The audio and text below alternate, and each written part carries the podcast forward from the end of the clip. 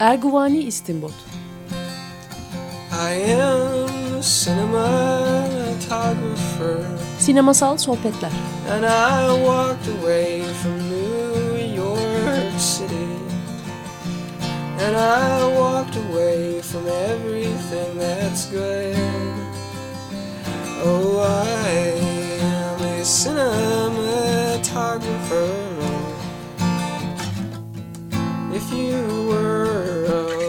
Hazırlayan ve sunan Cüneyt Cebenayak.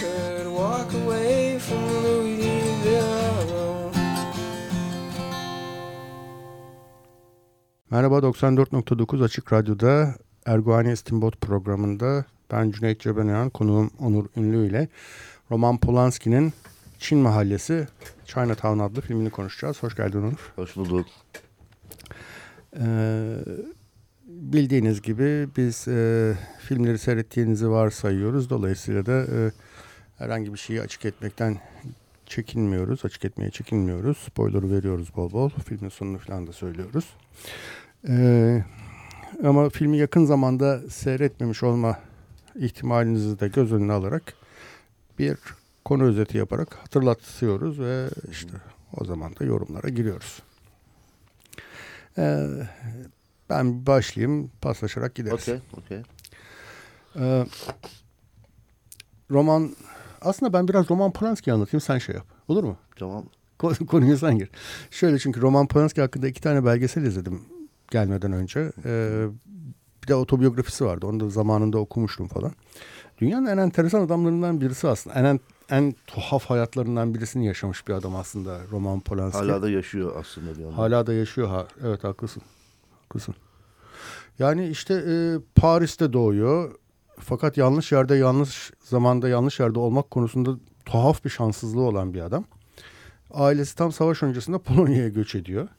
Polonya'ya göç ettikten sonra bunlar Yahudiler aynı zamanda e, ve işte Naziler. Halbuki tersi olsa daha iyi olurmuş belki değil mi? Ya Paris'ten Polonya'dan Paris'e bir, bir miktar daha iyi olabilirmiş. Bir miktar daha iyi olabilirmiş evet. Gerçi orası da yani, yani e, güvenli bir yer değildi ama yine de yani Varşova gettosundan iyiydi herhalde. Aynen. Annesini hemen alıyorlar Naziler ve Auschwitz'e gönderiyorlar. Yani nereye gittiğini tabii bilmiyor da yani annesi hemen yok oluyor. Bir süre babasıyla yaşıyor. Babası bakıyor ki işler giderek daha kötüye gidiyor. Bunu getto dışına çıkartıyor. Aslında zaten getto dışına çıkmayı kendi başına öğrenmiş bu ama bücür. Yani babası bilmiyor. Yani babası büyük işte oraları kesiyor, dikenli telleri kesip falan çıkarıyor bunu. Sonra bu yine de kaçıp geri geliyor. Fakat bir bakıyor ki babası ve diğer erkekler toplanmışlar, götürülüyorlar. Ee, babası bunu görüyor ve toz oluyor. Ee, toz oluyor. Ee, Nazizmle yani işte ondan sonra bir takım akrabalar, tanıdıklar bilmem nelerin evinde falan vakti geçiriyor. Sonra babası kurtuluyor şeyden. Ee, ben bu kadar detaylı bilmediğim için hevesle dinliyorum şu anda. Eyvallah. İyi ben de seni sıkıyorum diye korkuyordum. Yok estağfurullah olur mu? Çok hoşuma ha, Tamam o zaman daha da ayrıntılı anlatabilirim. ee, şey e, işte babası kurtuluyor e, fakat annesi işte geri gelmiyor. Babası kurtuluyor ama derhal bir kadınla evleniyor. Buna bayağı gıcık oluyor roman. Yani baba, annesinin e, anısına ihanet edildiğini düşünüyor. Babasına hı hı. gıcık oluyor biraz. Biraz değil epey gıcık oluyor. Pek de geçinemiyorlar zaten babayla. Ee, neyse bu yetenekli bir çocuk olduğu zaten aşikar. Resim çiziyor bilmem ne yapıyor her konuda iyi. Ee, bir tür sanat, sanat okuluna giriyor.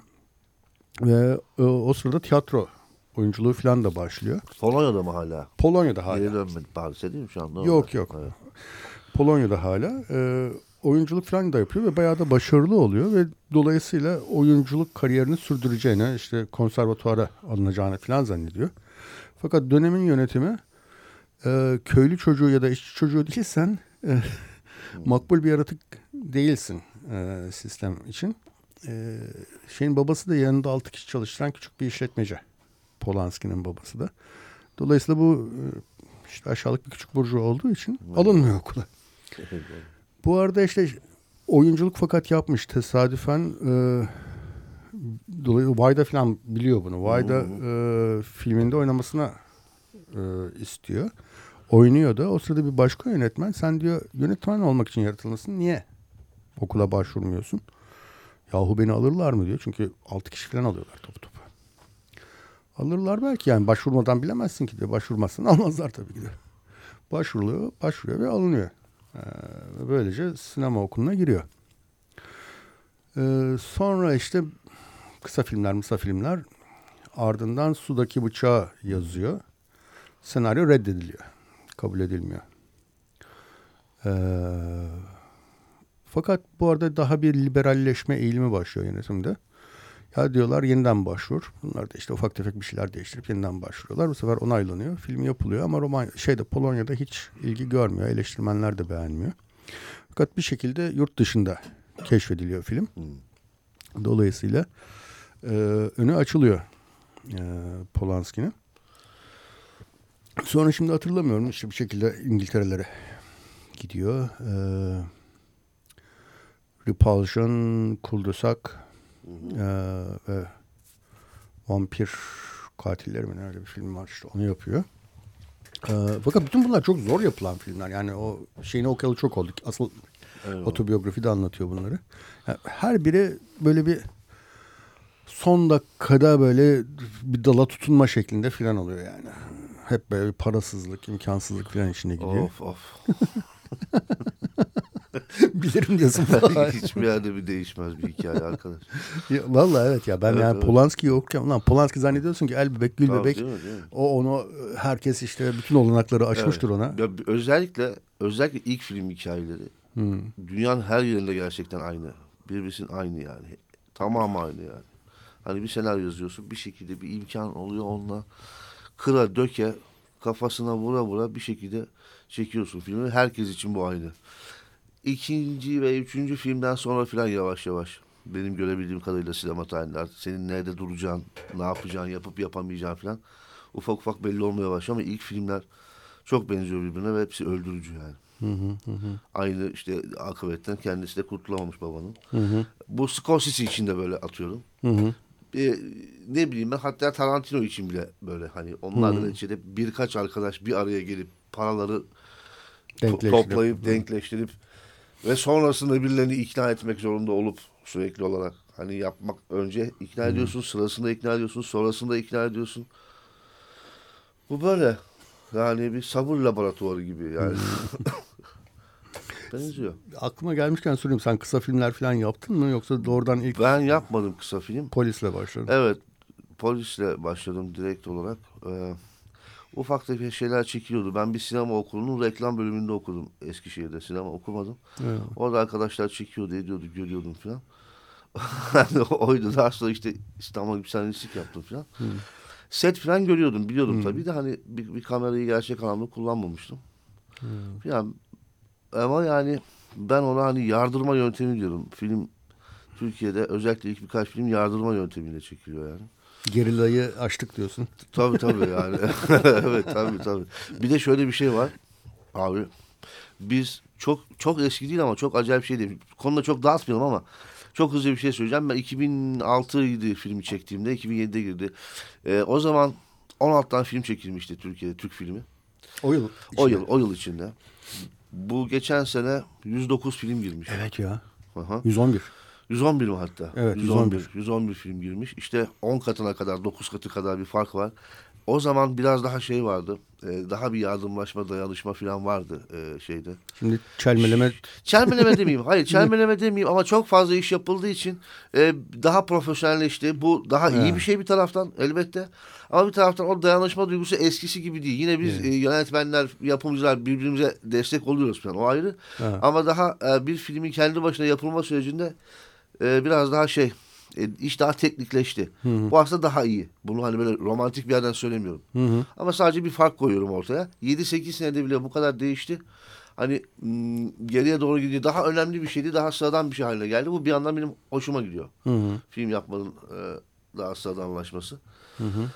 Çünkü o üzerindeki lanet büyüden kurtuluyor ve bu esas hoşuma giden bu. O sinemanın kutsal, olağanüstü, büyülü falan e, diye gösterilip durması halinden ben hep e, rahatsız oluyorum. Seyirci kendi oluyordum. Ne yani şimdi sinema bir şenlik değil mi? evet ama evet sinema bir şenlik. Yani bir şenlik ama yani. Eyvallah. Anlatabildim mi? Bir şenlik sinema. yani bir, bir mesela bir bir mabet değil. Mabet mesela. Değil. Anlatabildim hmm. mi? Falan. Neyse eyvallah. Tamam. Nereye geldik? Hı hı. Peki kaldığım yerden hikayesini anlatmaya biraz daha aramayayım. Sharon Tate'le tanışıyor. Hı hı. Şeyde işte vampir katillerinde. Ee, aşık oluyorlar birbirlerine. Ee, evleniyorlar. İşte Los Angeles'a taşınıyorlar.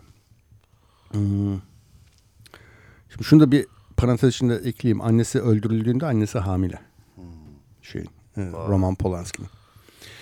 Ee, neyse e, şeye gidiyorlar işte Los Angeles'a yerleşiyorlar. Tam böyle çiçek çocuğu zamanları flower power etrafta e, herkes barış işaretleri yaparak falan dolaşıyor ve öyle bir hayat yaşadıklarını düşünüyorlar hakikaten. Kimse kapısını falan kilitlemiyor. Ve fakat e, bir filmin senaryosu için onunla uğraşırken Londra'da şey e, Roman Polanski karısı hamile olarak evde e, bir telefon alıyor öldürüldüklerine dair.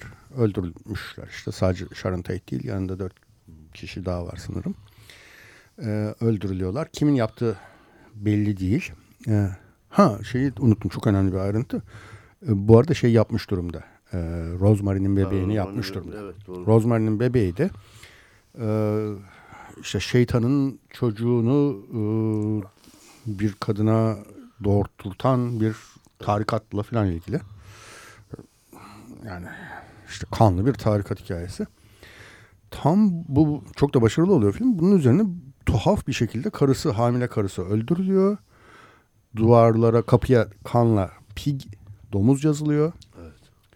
Ee, vesaire vesaire ve iğrenç basın e, iğrenç bir tavır oluyor e, ve sanki Polanski'nin e, bunu yaptırttığını zaten işte böyle bir film yapmış okült işte tuhaf tarikatlarla ilişkisi olan bir adam falan işte Allah'ın yabancı. bilmiyordum. Niye basın böyle bir şey yapmış? Boyalı basın ya abi işte yani yapmış hakikaten. Yani gördüm Allah yani. Allah. Belgesellerde gördüm gazete başlıklarını falan. Bu resmen e, şey Roman Polanski denilen kısacık boylu, tuhaf aksanlı işte China işte şey Rosemary'nin bebeği gibi acayip bir film yapmış ve başarılı da olmuş. O yabancıya, Yahudi yabancıya bir, bir tür saldırı başlıyor. Adamı mahvediyorlar yani. Adam zaten hayatında ilk defa böyle bir düzen, eş, çocuk, aile kurmak falan, kendi hayatını kurmak gibi bir şeye yaklaşmışken ha, annesinin hamileyken öldürülmesi gibi karısı hamileyken öldürülüyor. Büyük bir travma yani. Çok korkunç bir travma. Ve bir de üstüne böyle basının çirkeflikleri e, biniyor. E, bunun üzerine yine e, bir süre Amerika'dan ayrılıyor. İşte gidiyor What diye kötü bir film yapıyor falan. E, fakat Chinatown'ın senaryosu veriliyor. Robert Town, Townsend. E, onu çok beğeniyor ve tekrar e, dönmeye karar veriyor e, Hollywood'a. Chinatown çok başarılı oluyor. Bir sürü dalda Oscar aday gösteriliyor fakat bir tek senaryo dalında Oscar alıyor. Doğrudur. Hmm. Çünkü Godfather'ın karşısında falan öyle. Evet Godfather 2. Godfather 2'nin. Bütün parsayı toplayan film oluyor. Evet. Ee, öyle bir tırnak içinde talihsiz bir tarafı var artık o da neyse hani. Oscar alamama talihsizliği mi diye ne diyelim hmm. ona. Onun karşısında. Chinatown Chinatown mı diyelim, Çin mahallesi mi diyelim? Ne, ne demeyi tercih edersin? İkisini de söyleyebiliriz ya. Çok öyle dert etmiyorum ben. Chinatown tamam. daha hoş geliyor kulağıma aslında. Daha artistik geliyor değil mi? Daha artistik geliyor. Önemli bir şeyden bahsediyormuş gibi. Çin mahallesi deyince etiketi arıyor insan. Yani. Kesin. Yerde bir etiket var. Chinatown. Chinatown. Evet konuşalım ufaktan abi. Chinatown'u. Evet. Ee, evet. Ba yani. Başlamadan önce küçük bir şey daha. Ondan sonra da başına ha, bela tamam. gelmeye devam ediyor. İşte çocuk evet. Bir küçük 13 yaşında bir kızla sevişmekten falan evet, filan mahcup falan hikayeler. Ondan sonra tekrar Avrupa'ya tekrar e, İsviçre'ye giderken geçen birkaç yıl önce yine evet. tutuklandı falan filan. Yani başına gelmeyi sürdürüyor hikayeler. Bunlar da öyle geçiştirilecek Yine hikayeler değil ama. dönemiyor değil mi? Amerika'ya dönemiyor ama şu anda serbest. Evet serbest. Ha, yani göz altında ya da işte bir evde zorunlu ikamet altında falan değil. Ee, peki evet Chinatown'a girelim. Hadi sen ben çok konuştum biraz yoruldum sana. Yok estağfurullah. Şimdi nereden hikayesinden mi başlıyoruz? Yani istediğin yerden yani istersen hikayesinde boş ver öyle girelim. Nasıl China olsa Town, hikayesinde anlatırız. Ben öyle. şöyle düşünürüm genelde filmler için.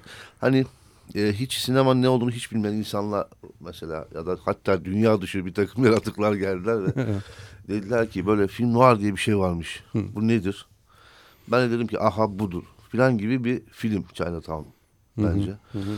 Yani türün e, noir'ın yani kara filmin e, neredeyse bütün özelliklerini üzerinde barındırıyor. E, Birçok yerinden konuşulabilecek bir film. E, ben şimdi yeni işte bu konuşacağımız için yeniden izlediğimde hissettiğim en şiddetli duygulardan birisi bir eserle karşı karşıya olduğum olduğu mesela hani karşımızda ciddi bir eser var bir film var falan filan ayrı Hı. hani ama onun ötesinde bir eserle karşı karşıyayız. Ee, filmin kendine güveni Nasıl yani kutsal falan mı demek istiyorsun? Hayır hayır. Bir, hayır, hayır demek istemiyorum. Bir sanat eseriyle karşı karşı olun. Her filmde bunu hissetmezsiniz. Hani bir film izlersiniz çok seversiniz. Ama o bir eser hissi geçmeyebilir. Ee, eser hissi sinemada çok nadiren geçen bir şey. Çünkü bence sanat eseri denen şey en uzak şey bir filmdir. Diğer bir sürü şeyle mukayese edildiğinde. Bu ayrı bir tartışma konusu olabilir tabii ama öyle Hı-hı. baktın çünkü. Ha, yok yok yok. ee, yok. Ama e, bence sinema e, bir sinema filminin eserle arasındaki mesafe açık. O büyük bir endüstri zaten değil mi? Yani, yani her şeyden yani, önce yani. Aynen. Aynen. Bir, bir sürü açıdan hani ideolojik olarak, estetik olarak, e, sosyolojik olarak, psikolojik olarak bir sürü açıdan bence e, eser zor çıkıyor sinemada. Ama bu filmde bunu şiddetli bir şekilde başından itibaren hissediyoruz. E, bir sürü şey böyle üst üste geliyor kafam. Mesela Chinatown'un Çin mahallesinin ikisini bir daha söyleyeyim bari üst üste.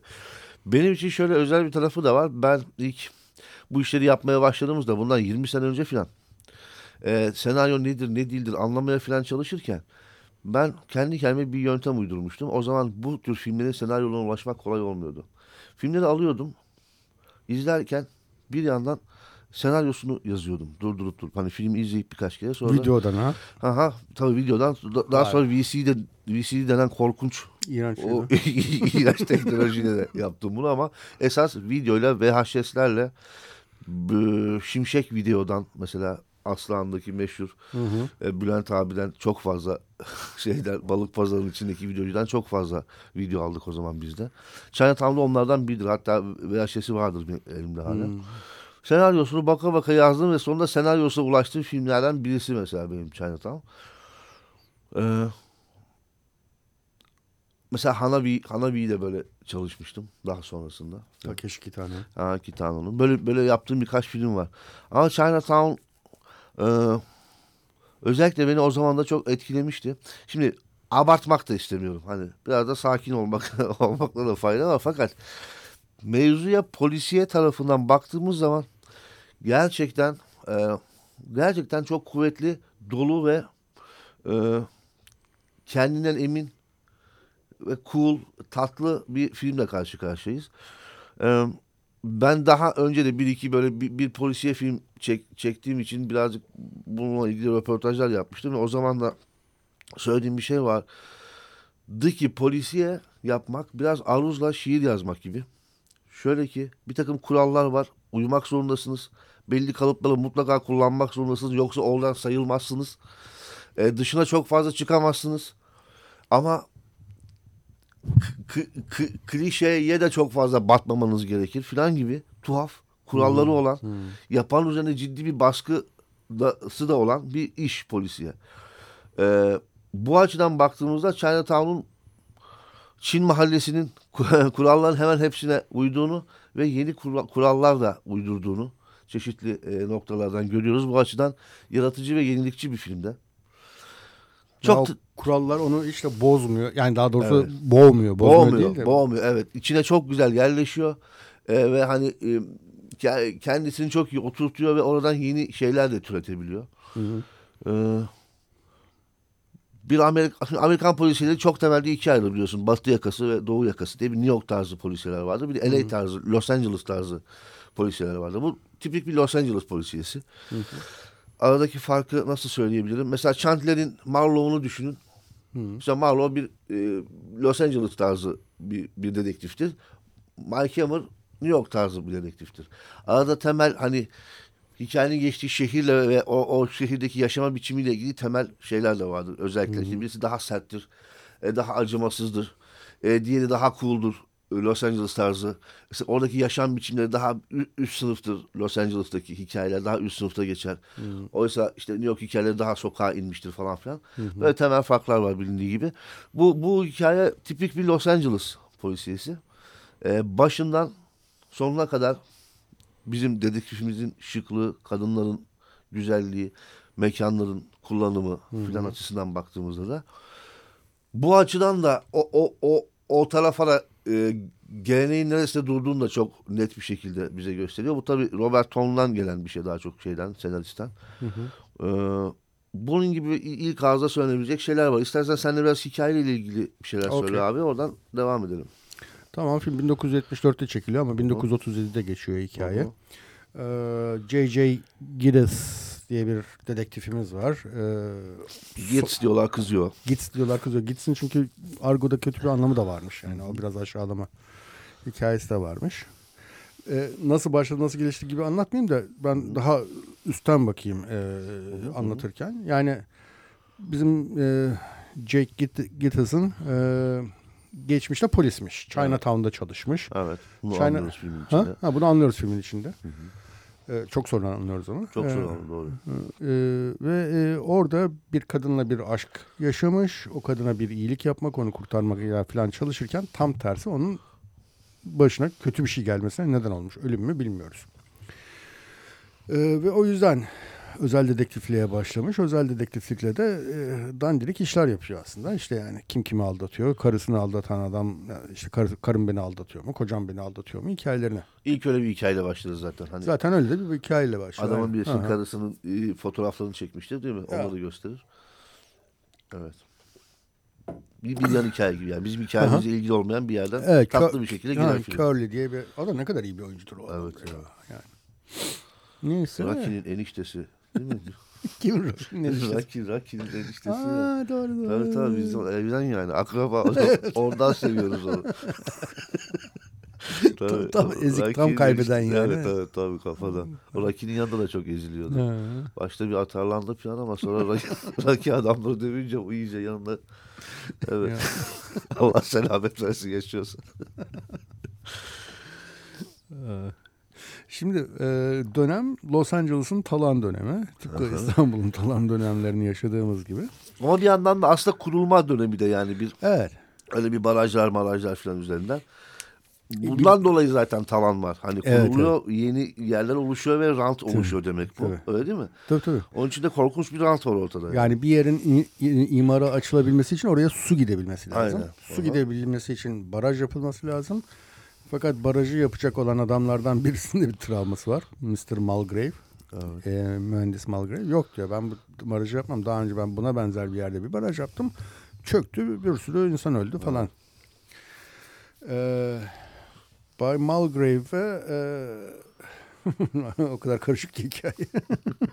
Neresine? Anlatmaya çalışmasak mı? Vallahi ya. sonuçta bizim filmimizin kötü adamı Noah Cross diye pis bir kapitalist. Evet. Ve aynı zamanda kızına e, kızıyla yatmış ve kızından bir kız çocuğu sahibi olmuş. Kötü bir adam. Hı hı. E, mühendis Malgrave onun hem damadı hem iş ortağı. Hı hı. Damadı olmasının nedeni kızını hamile bıraktıktan sonra Noah kız Meksika'ya kaçıyor. Bu da kıza sahip çıkıyor. Gidiyor oluyor sahip ha. çıkıyor kıza. Evet. Aha. Öyle bir evlilikleri var. Şimdi orada e, benim kafamı karıştıran bir şey var. Böyle ortasından gideyim ya. Git abi git tabii. Şimdi zaten film seyretmiş olduklarını varsa. Evet, umarım seyretmişler yoksa çıkamayacağız işin içinden. evet. Ee, şimdi babası e, nasıl söyleyeyim? Tecavüz mü diyelim ona? Tecavüz değil. Tecavüz olduğunu reddediyor Evelin. Ha. O, yani peki bir orada ben orayı tam şey yapamıyorum. O bir düzenli bir ilişki mi yoksa bir sefer olmuş bir şey mi? Acaba babasıyla yaşadığı. Yani şimdi o sahneyi hatırlıyor musun? Evet Bilmiyorum. hatırlıyorum tabii ki. Ha, yani konuştukları Jake'le Evelyn. Sonra gittim diyor. Ben buradan hani Yani sana tecavüz mü etti diyor. Hayır diyor Hayır. Evelyn. Ama yani düzenli bir şekilde mi oldu, bir kere mi oldu? Onu... Hayır, o şuna takılıyorum ben. Şimdi filmlerde bir kere olunca hamile kalınıyor ya. bu mucizenin peşindeyim ben bu. bu nasıl oluyor onu bir türlü anlayamıyorum ben. Türk filmleri de böyle, Amerikan filmleri de böyle. Değil mi ne acayip. Ama bu şimdi, bu şimdi işte bak abi bu enteresan şekilde filmlerle uzlaşmamız gereken bir takım alanların olduğunu gösteriyor bize. Yani ne kadar tırnak içinde realist olursa olsun bir filmin en sonunda bir film olması onunla bir uzlaşma alanı yaratmak durumunda kalıyor aramızda. Dolayısıyla da filmin gösterdiği şeyin her zaman temsil e, şeyi çok kuvvetli olur ya temsil gücü. Yani biz gerçek hayatta bir kere de buna inanmayız ama filmin içinde olmuştur deriz, kabul ederiz ya. İşte bu buradaki bu büyülü an sinema ile seyirci ilişkisini sonsuza kadar tutacak an, anlardan birisidir gibi geliyor bana. O açıdan bir yandan hadi canım oradan demekle birlikte diğer yandan iyi ki de böyle oluyor e, di- di- diyebiliyorum filmlerde. Hem seyirci olarak hem de zaman zaman yazar ve yönetmen olarak da dayandığım şeylerden birisi açıkçası bu bu gizli sözleşme. Bu önemli bir an. Bunu hani e, haşa bu kutsal filmi küçümsemek için söylemedim. Evet buradan dalgamızda geçebiliriz ama böyle bir şey var ya bir yandan. Var var. Yani şimdi ben mesela en başta en başta takılıyorum filme. En başta ne oluyor? Şimdi bir e, sahtekar kadın geliyor. Sahtekar olduğunu biz henüz bilmiyoruz. Bizim Jake dedektifimize diyor ki kocam beni aldatıyor. Onu bulur musunuz? Siz kimsiniz diyor. Ben Mrs. Mulgrave'im diyor. Yani şu işte meşhur e, mühendisin karısıyım. İyi diyor adam araştıracağız. Peki yani ilk başta biraz naz yapıyor. Ondan sonra arkadaşlarını takıyor. Adamın fotoğraflarını çekiyor. Bir aşamada adamın genç bir kızla görüştüğüne dair bir fotoğraf yakalamayı başarıyorlar. Peki ama bu Mulgrave bizim Evelyn'in kocası değil mi?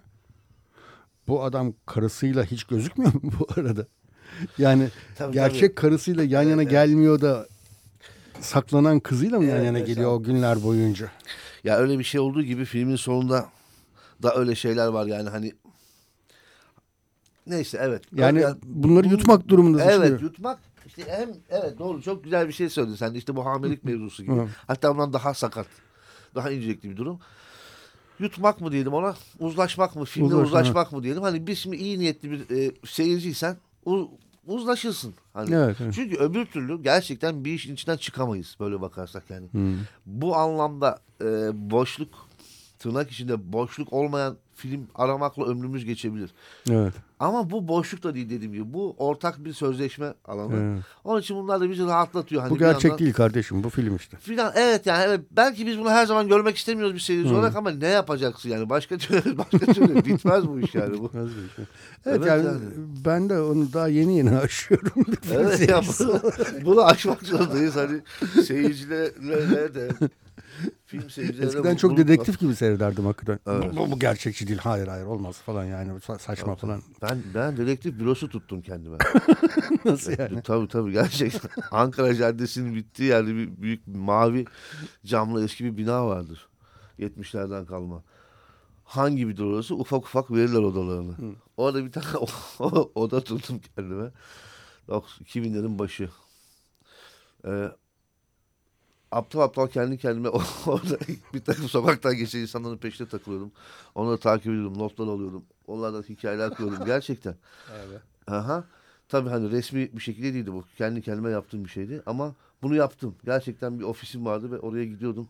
Dedektif gibi gidiyordum. Pelin'in bir resmini yapıştırmıştım kapıya. İçeri ayakkabılarımı çıkararak giriyordum. Handakiler benden rahatsız oldular. Bir süre sonra ha- Han'ın Han'ın işletmecisi bir avukat vardı.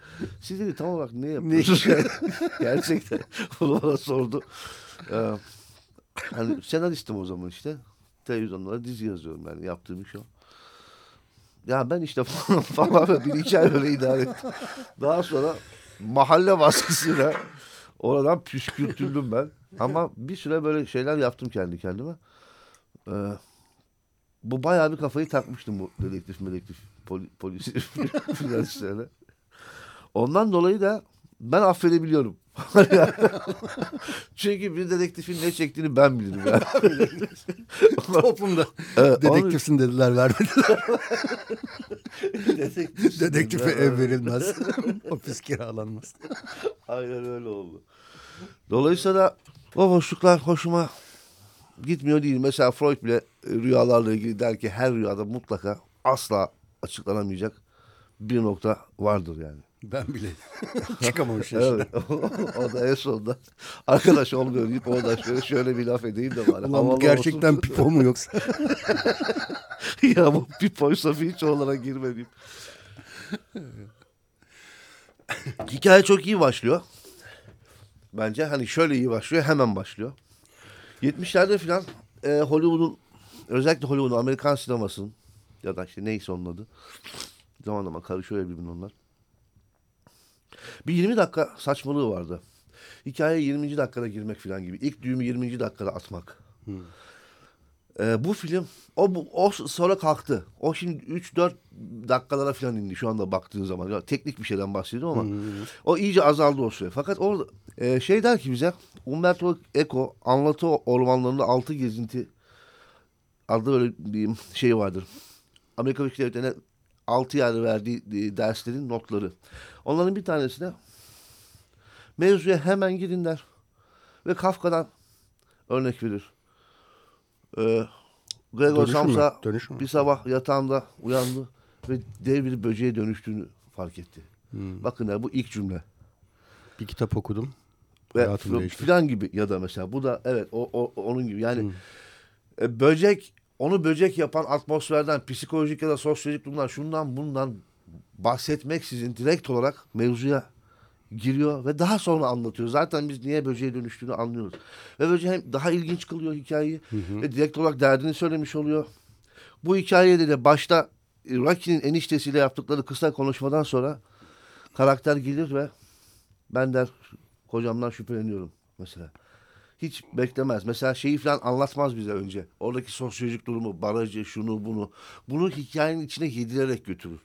Bu da mesela bunun şöyle bir handikapı vardır.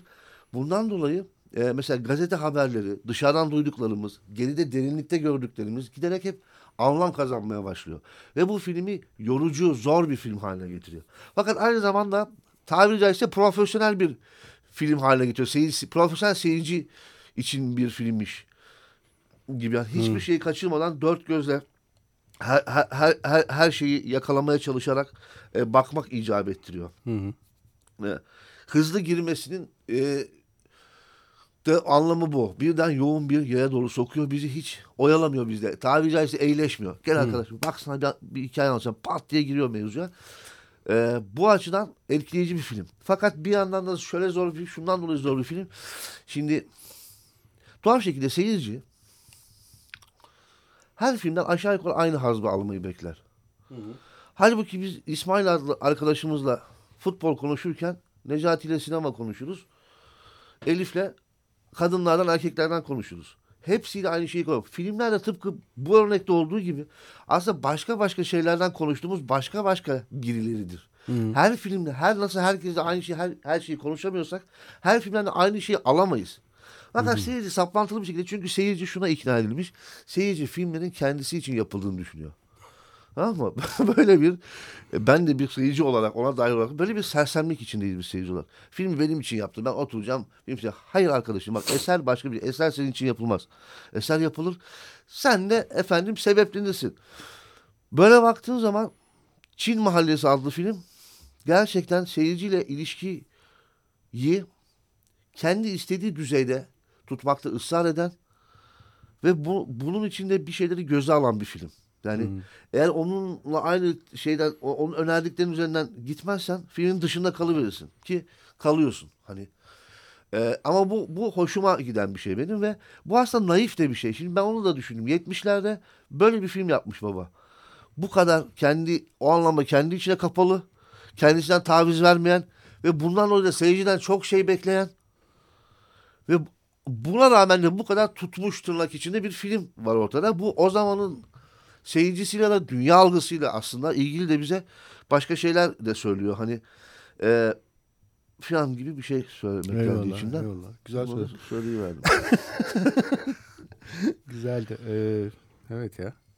Yani dediğin gibi çok zor bir film. Ee, çünkü böyle bir sersem bir dedektifimiz var. Evet. Ve biz de onun sersemliği, sersem gözlerinden dünyayı evet. anlamaya çalışıyoruz. Aynen. Yarım yamalak, Aynen. yarım yamalak bir şeyler görüyor.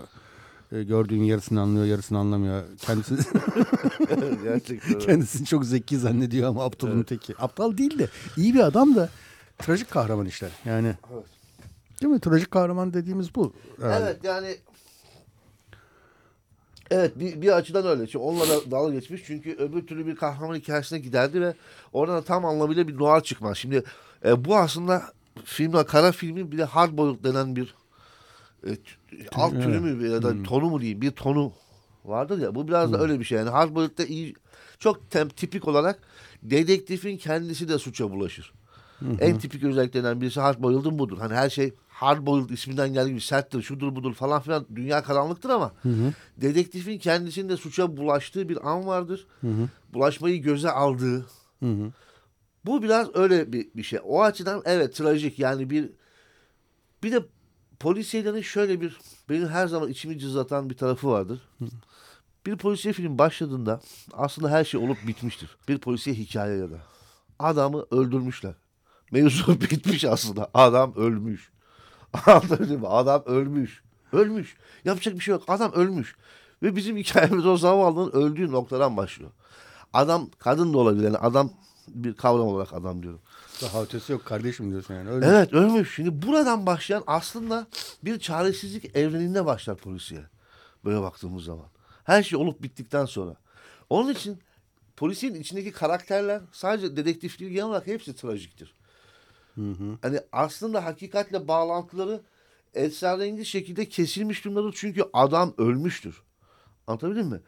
E, bu tekinsizlik artık bu tekinsizlik e, hikaye yazanların ya da filmi yapanların ruh haline yapmak istedikleri şeye ve de ya da yapılan döneme çeşitli tonlar kazanıyor. Bu anlamda Çin Mahallesi filmi bir yandan karanlık, umutsuz bir hikaye anlatıyor ki finali de istersen biraz ondan da bahset abi. E, finali de öyle. Öyle öyle. Yani hani yatakta işte Feydanova'ya Jack Nicholson'ın anlattığı hikaye Çin mahallesinde birisine bir iyilik yapmaya çalıştım. Sonuçta kız ya öldü ya bir şey oldu. Evet. Aynı hikayeyi yaşıyor. Aynen. O, o yani başa dönüyor yani o bir şey olmuş ondan dolayı hayatını değiştirmiş ama değiştirdiği hayatının sonunda da yine evet. aynı şey oluyor. Yine iyilik yapmaya çalışıyor. Sürekli iyilik yapmaya çalıştığını söylüyor adam. Aha. Ama sonuçta işte e, babasının tecavüzüne uğramış bir kadını kızıyla birlikte kaçmaya çalışan bir kadını bir şekilde engellemiş, yakalanmasını sağlamış ve öldürülmesine de neden olmuş oluyor. Çünkü mesela filmin evet. son sahnesinde polisler evet. bunun arabasını durdurmak için bir tanesi tekerleklerine arabanın sıkarken evet. bu gidiyor onun elini tutuyor.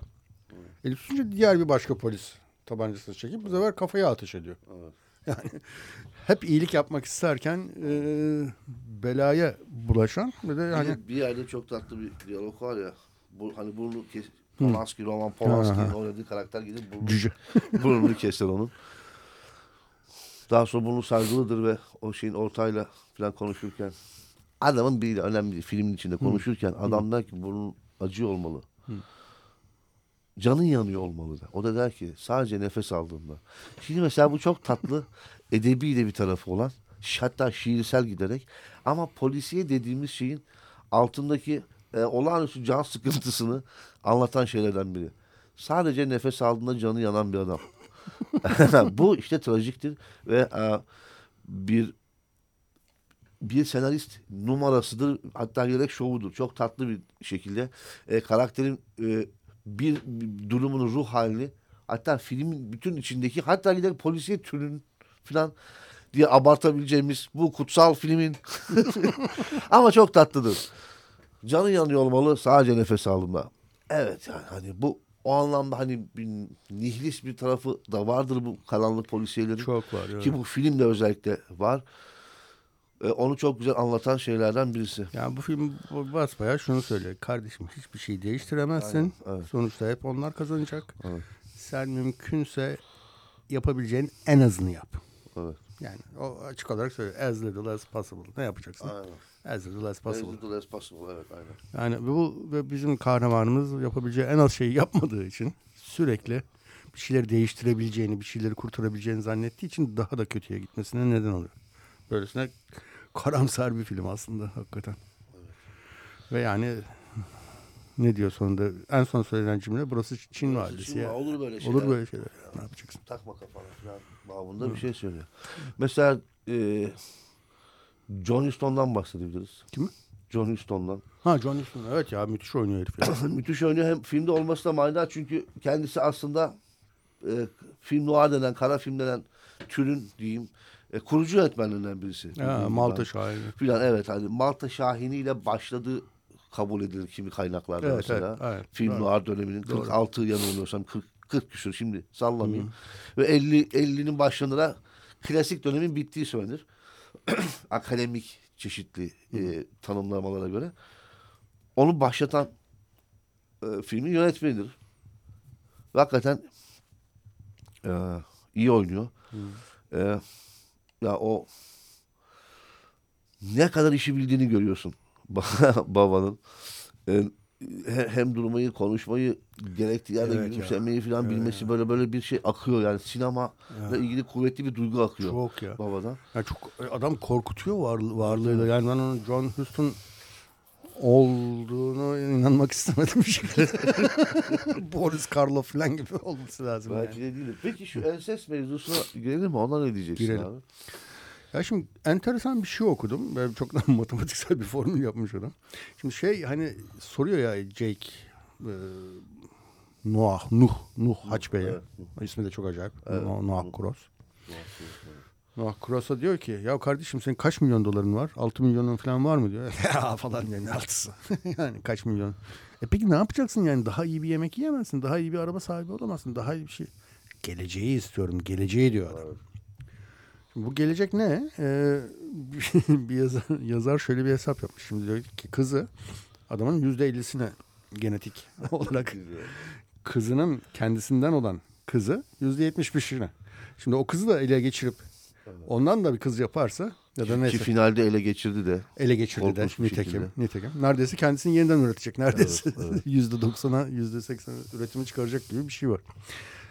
Tabii bu biraz abartılı bir şey de olabilir. Yok ama tatlı bir şey. Hani bu Ha. ben ben e, buradan gittiğini sanmıyorum.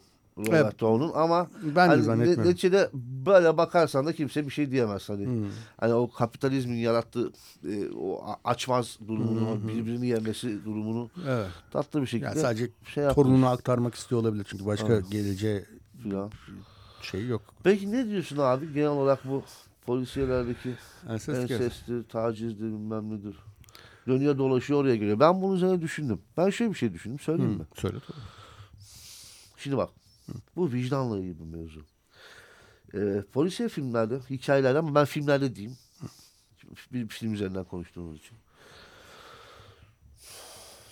Tuhaf şekilde filmi sevmemiz durumunda. Filmi sevmezsek zaten sevmeyiz. O pardon ayrı bir kez. Filmi sevmiyorsak zaten içinde değiliz. Filmi sevmiyor olarak biz mevzuda değiliz. Ama filmi seviyorsak, filmle ilgileniyorsak filmi severiz, karakterleri severiz ve giderek fazla sevmeye başlarız falan. Ve genel olarak bir vicdan oluşur ve iyi polisiyelerde, özellikle iyi polisiyelerde katili anlamaya başlama riski vardır seyircinin. Anlama, onun gibi düşünme, on- ona hak verme riski vardır. Tamam mı? İyi polisiyelerde bu risk her zaman vardır. Hatta bunun için yapılır ki hem hikaye daha uzun süre kapalı kalsın hem de ahlak üzerine daha fazla laf edilebilir böylece yazar ve yönetmen olarak. Fakat bunu da bir yerde kırmak gerekir çünkü adam katil. en sonunda adamın katil olduğunun altını çizmemiz gerekiyor. Evet. Ve geriye benim tespitime, yüce tespitime göre geriye kala kala asla seyircinin asla affetmeyeceği varsayılan ve hani be- benim için de böyle bu hani ama genel olarak varsayılan bir enses mevzusu kalıyor. Onun için de polisiyelerde taciz, çocuk tacizi ve enses mevzusu genelde dönüyor dolaşıyor. Karşı tarafı gömmek için elimizde kala kala yegane suç olarak kalıyor. Ben bunu bilemem. E, böyle bir tespitim var. Benim bir fikrim var diyeyim. Tespit iddialı olur.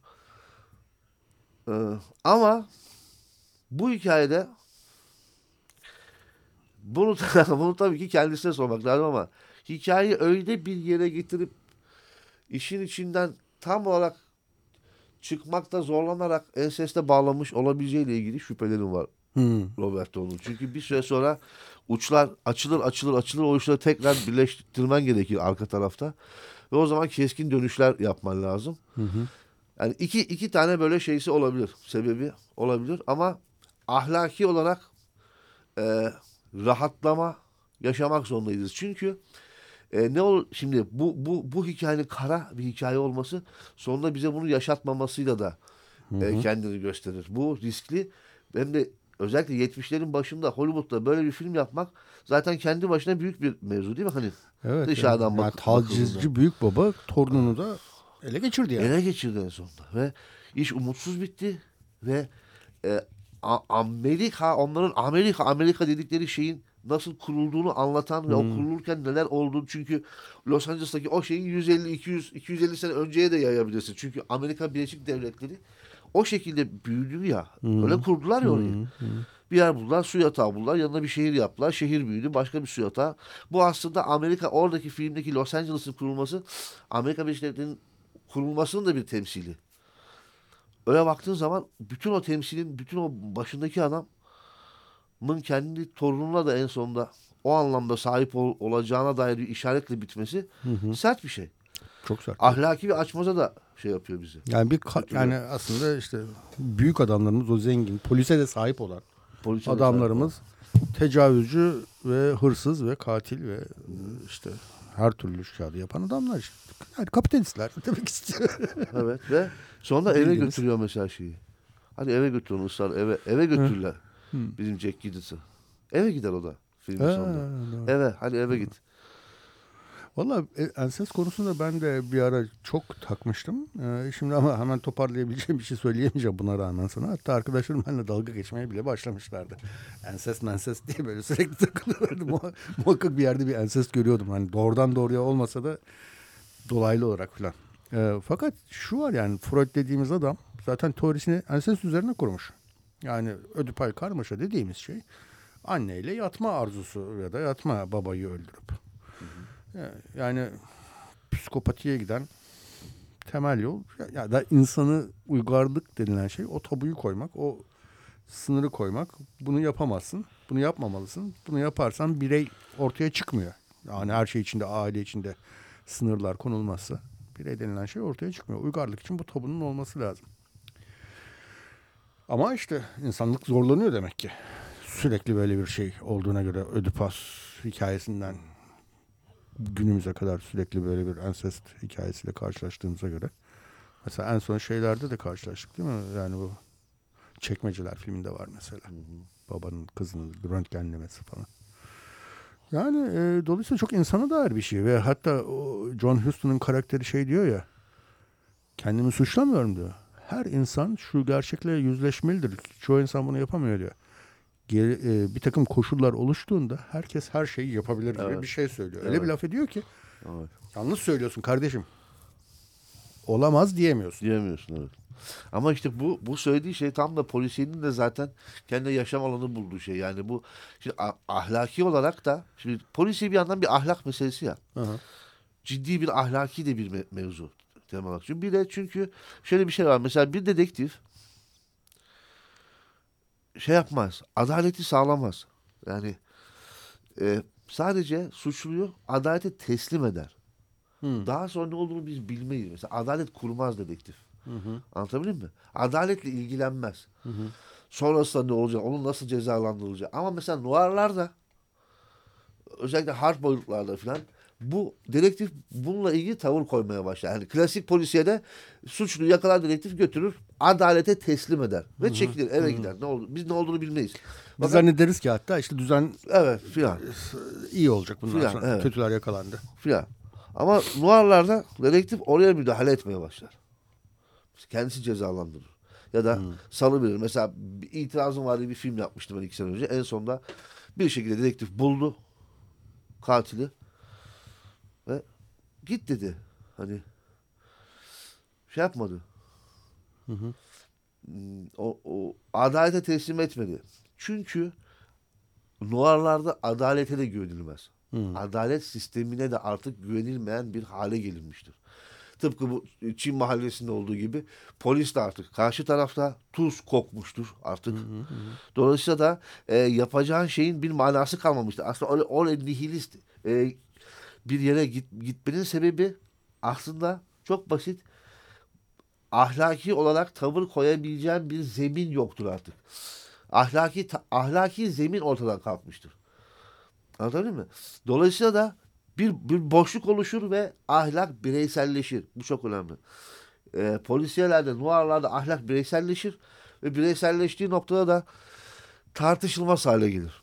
Sen filmin sonunda niye öyle oldu diyemezsin. Öyledir çünkü öyledir. Hani demin senin de söylediğin gibi artık e, polis de işin içindedir. Herkes e, o karanlık yere doğru hı hı. gider. Bu aslında kişisel umutsuzluktan ziyade hani bir bir kişisel e, yazanın, çizenin filanın nihilizmden tırnak içinde o tarafta bulunmasından ziyade o, o, o iş yapılan yerin var olan sosyolojideki adalet durumunun çökmesiyle ilgili bir mevzu. Biraz oraya vicdan sahibi bir yazarı bu durum doğal olarak tetikler ve adalete güvenilmez bir noktada konumlar yazar kendini. Hı hı. Biraz Town'un yaptığı da bence Polanski'yi de bu kadar tahrik eden hatta giderek işte stüdyo patronlarını, baronlarını, Hollywood'daki onları bile tamam ya hadi yapalım bu filmi noktasına getiren. Mesela bu film enteresan Godfather'ın karşısındadır. Mesela aynı o, aynı senenin filmleridirler bunlar. Hı hı. O dönemde bir yandan Godfather yapılıyor. Hı hı. Bir yandan da bu yapılıyor. Hani Anlatabildim mi? Hı hı. E, o, oralardan da bakılabilir. Ama neticede adalete güvenilmemesi polisiyenin at koşturduğu Noir'ın kara kara filmin at koşturduğu temel yerlerden biri. Ve bu filmde onu çok iyi başarıyor. Hı hı. Ben şey takıldım. Ahlak bireyselleşiyor gibi bir şey evet, söyledin. Evet. Toplumsal ahlak, bireysel ahlak nasıl bir ayrım? Ş- şöyle bir ayrım oluyor. Ee, genel olarak bir bir yerde durup topluluk olarak bu adam suçludur, bu adamın yaptığı doğru değildir, gayri ahlakidir diyebileceğimiz bir alan oluşabilir. Böyle bir e, kendi içinde çalışan bir ahlak sistemi olabilir. Hı hı. Bu artık olmaz hale geliyor. Milletin kafası e, hep beraber yani ortak değerin ortadan kalkması mevzusu hmm. bu aslında. Sadece ahlaki değil. Temel olarak ortak değerler ortadan kalkıyor ve yerine suni bir takım yeni değerler getiriliyor. Anlatabildim hmm. mi? Hmm. Ve ortak değerler ortadan kalktığında hmm. herkes tek tek kendi başına kalıyor. Ve kendi ahlaki kararını kendisi vermek zorunda kalıyor. Hı hı. Gibi bir yerden hı. yaklaşıyor. Bundan, Ama yani hani ne kadar bireysel, ne kadar yapayalnız olursan ol bir ahlak meselesi koyduğunda o ahlak muhakkak e, hani bir insanın e, diğer insanlarla ilişkisini değerlendirdiğim bir evet. şey oluyor. Dolayısıyla muhakkak toplumsal bir yanı var gibi geliyor. Ne kadar bireysel olursa olsun. Eyvallah. Tamam işte onun için zaten dedektif dedektiflik yapmaya devam ediyor. Katili bulmaya çalışmasının sebebi zaten o. Ama en sonunda kendi kararını kendisi verecek kadar da yalnız bir hale gelmiş durumda. Anlatabiliyor muyum? Artık üzerinde yani katili ararken ki şeyi de o. Motivasyon da artık toplumsal değil. Hı. O da kişisel. Hı hı. Anlatabiliyor muyum? Kendisi için yapmaya başlıyor bütün mevzuyu. Hı hı. Bu da onu beklenenin dışında özellikle finallerde ama hikayenin içinde de beklenenin dışında bir takım atraksiyonlar yapabilmesini sağlıyor. Hı hı. Bu ve daha filmlerde daha yaratıcı hale geliyorlar filan. Söylemek istediğim böyle bir şey. Onun hı. dışında Polanski'nin Bağlı mı? Kaptırdık mı? Çok kaptırmışız. Program neredeyse bitmiş. Öyle mi? Söyle abi. Bir iki dakika daha konuşabiliriz. Tamam çok hızlı bir şey söyleyeceğim. Ben e, filmin reji sörlüğünün de e, çok yaratıcı küçük dokunuşlarla dolu olduğunu ve çok iyi olduğunu düşünüyorum. Genel olarak Roman Polanski ile adam iyi değildir. Hı. Yani gördüğümüz zaman selamlaşırız. Onun dışında pek konuşmayız ama e, bu bu bu filmin rejisörlüğü gerçekten Ha, bir bu kadar daha üzerine konuşulabilecek. Niye konuşmadıysak. yani bu film konuşacağız. Bize Yani. ayrılan sürenin sonuna geldik. şeyler konuşuyoruz. Neyse izleyelim izletelim. Güzel. Ee, Ben mesela aklıma şey geldi son. Bu adam niye öğrenemiyor? Niye ders alamıyor? Yani aynı şeyi Sisyphos gibi tekrarlayıp duruyor. Nedir bu durum? Bu insan karakter mi? Ha, Jake karakterimiz. Ama çok dedektif. tamam çok güzel o çünkü top, top- çünkü toplum çökmüş durumda şimdi. Orada bir şey o bir birey gerçek bir birey haline gelmesi için e, gerçek bir topluma ihtiyaç var. Bireyselleşme sürecini tamamlayamıyor bir türlü. Çünkü onu yaşayabileceği bir düzen yok. Ensestiyöz bir toplum var burada. Evet. Yani bir, bir Ayrışam yaramıyor. yani böyle. Evet. Çamur içinde. Aynen. Sular içinde. Dolayısıyla o- olamaz. Manası da yok zaten. Ölmesi gerekir bunun için. Ancak öldüğü zaman ayrışır. Bu bu bu tatlı bir şey. Hop bir daha bir daha bir daha bir daha çünkü herkes öyle. Çünkü toplum olarak bu haldeler. O açıdan bunun böyle olması çok makul ve tekstin kendi iç- içinden baktığında çok mantıklı. Peki çok çok teşekkürler Onur. Ben teşekkür ederim. Çok konuştuk. Bila tedbir çok laf ettik. Haklarını helal etsinler. Evet yani müzik bile koymadık araya. Peki. Hoşçakal bir dahaki programda görüşmek üzere. Eyvallah.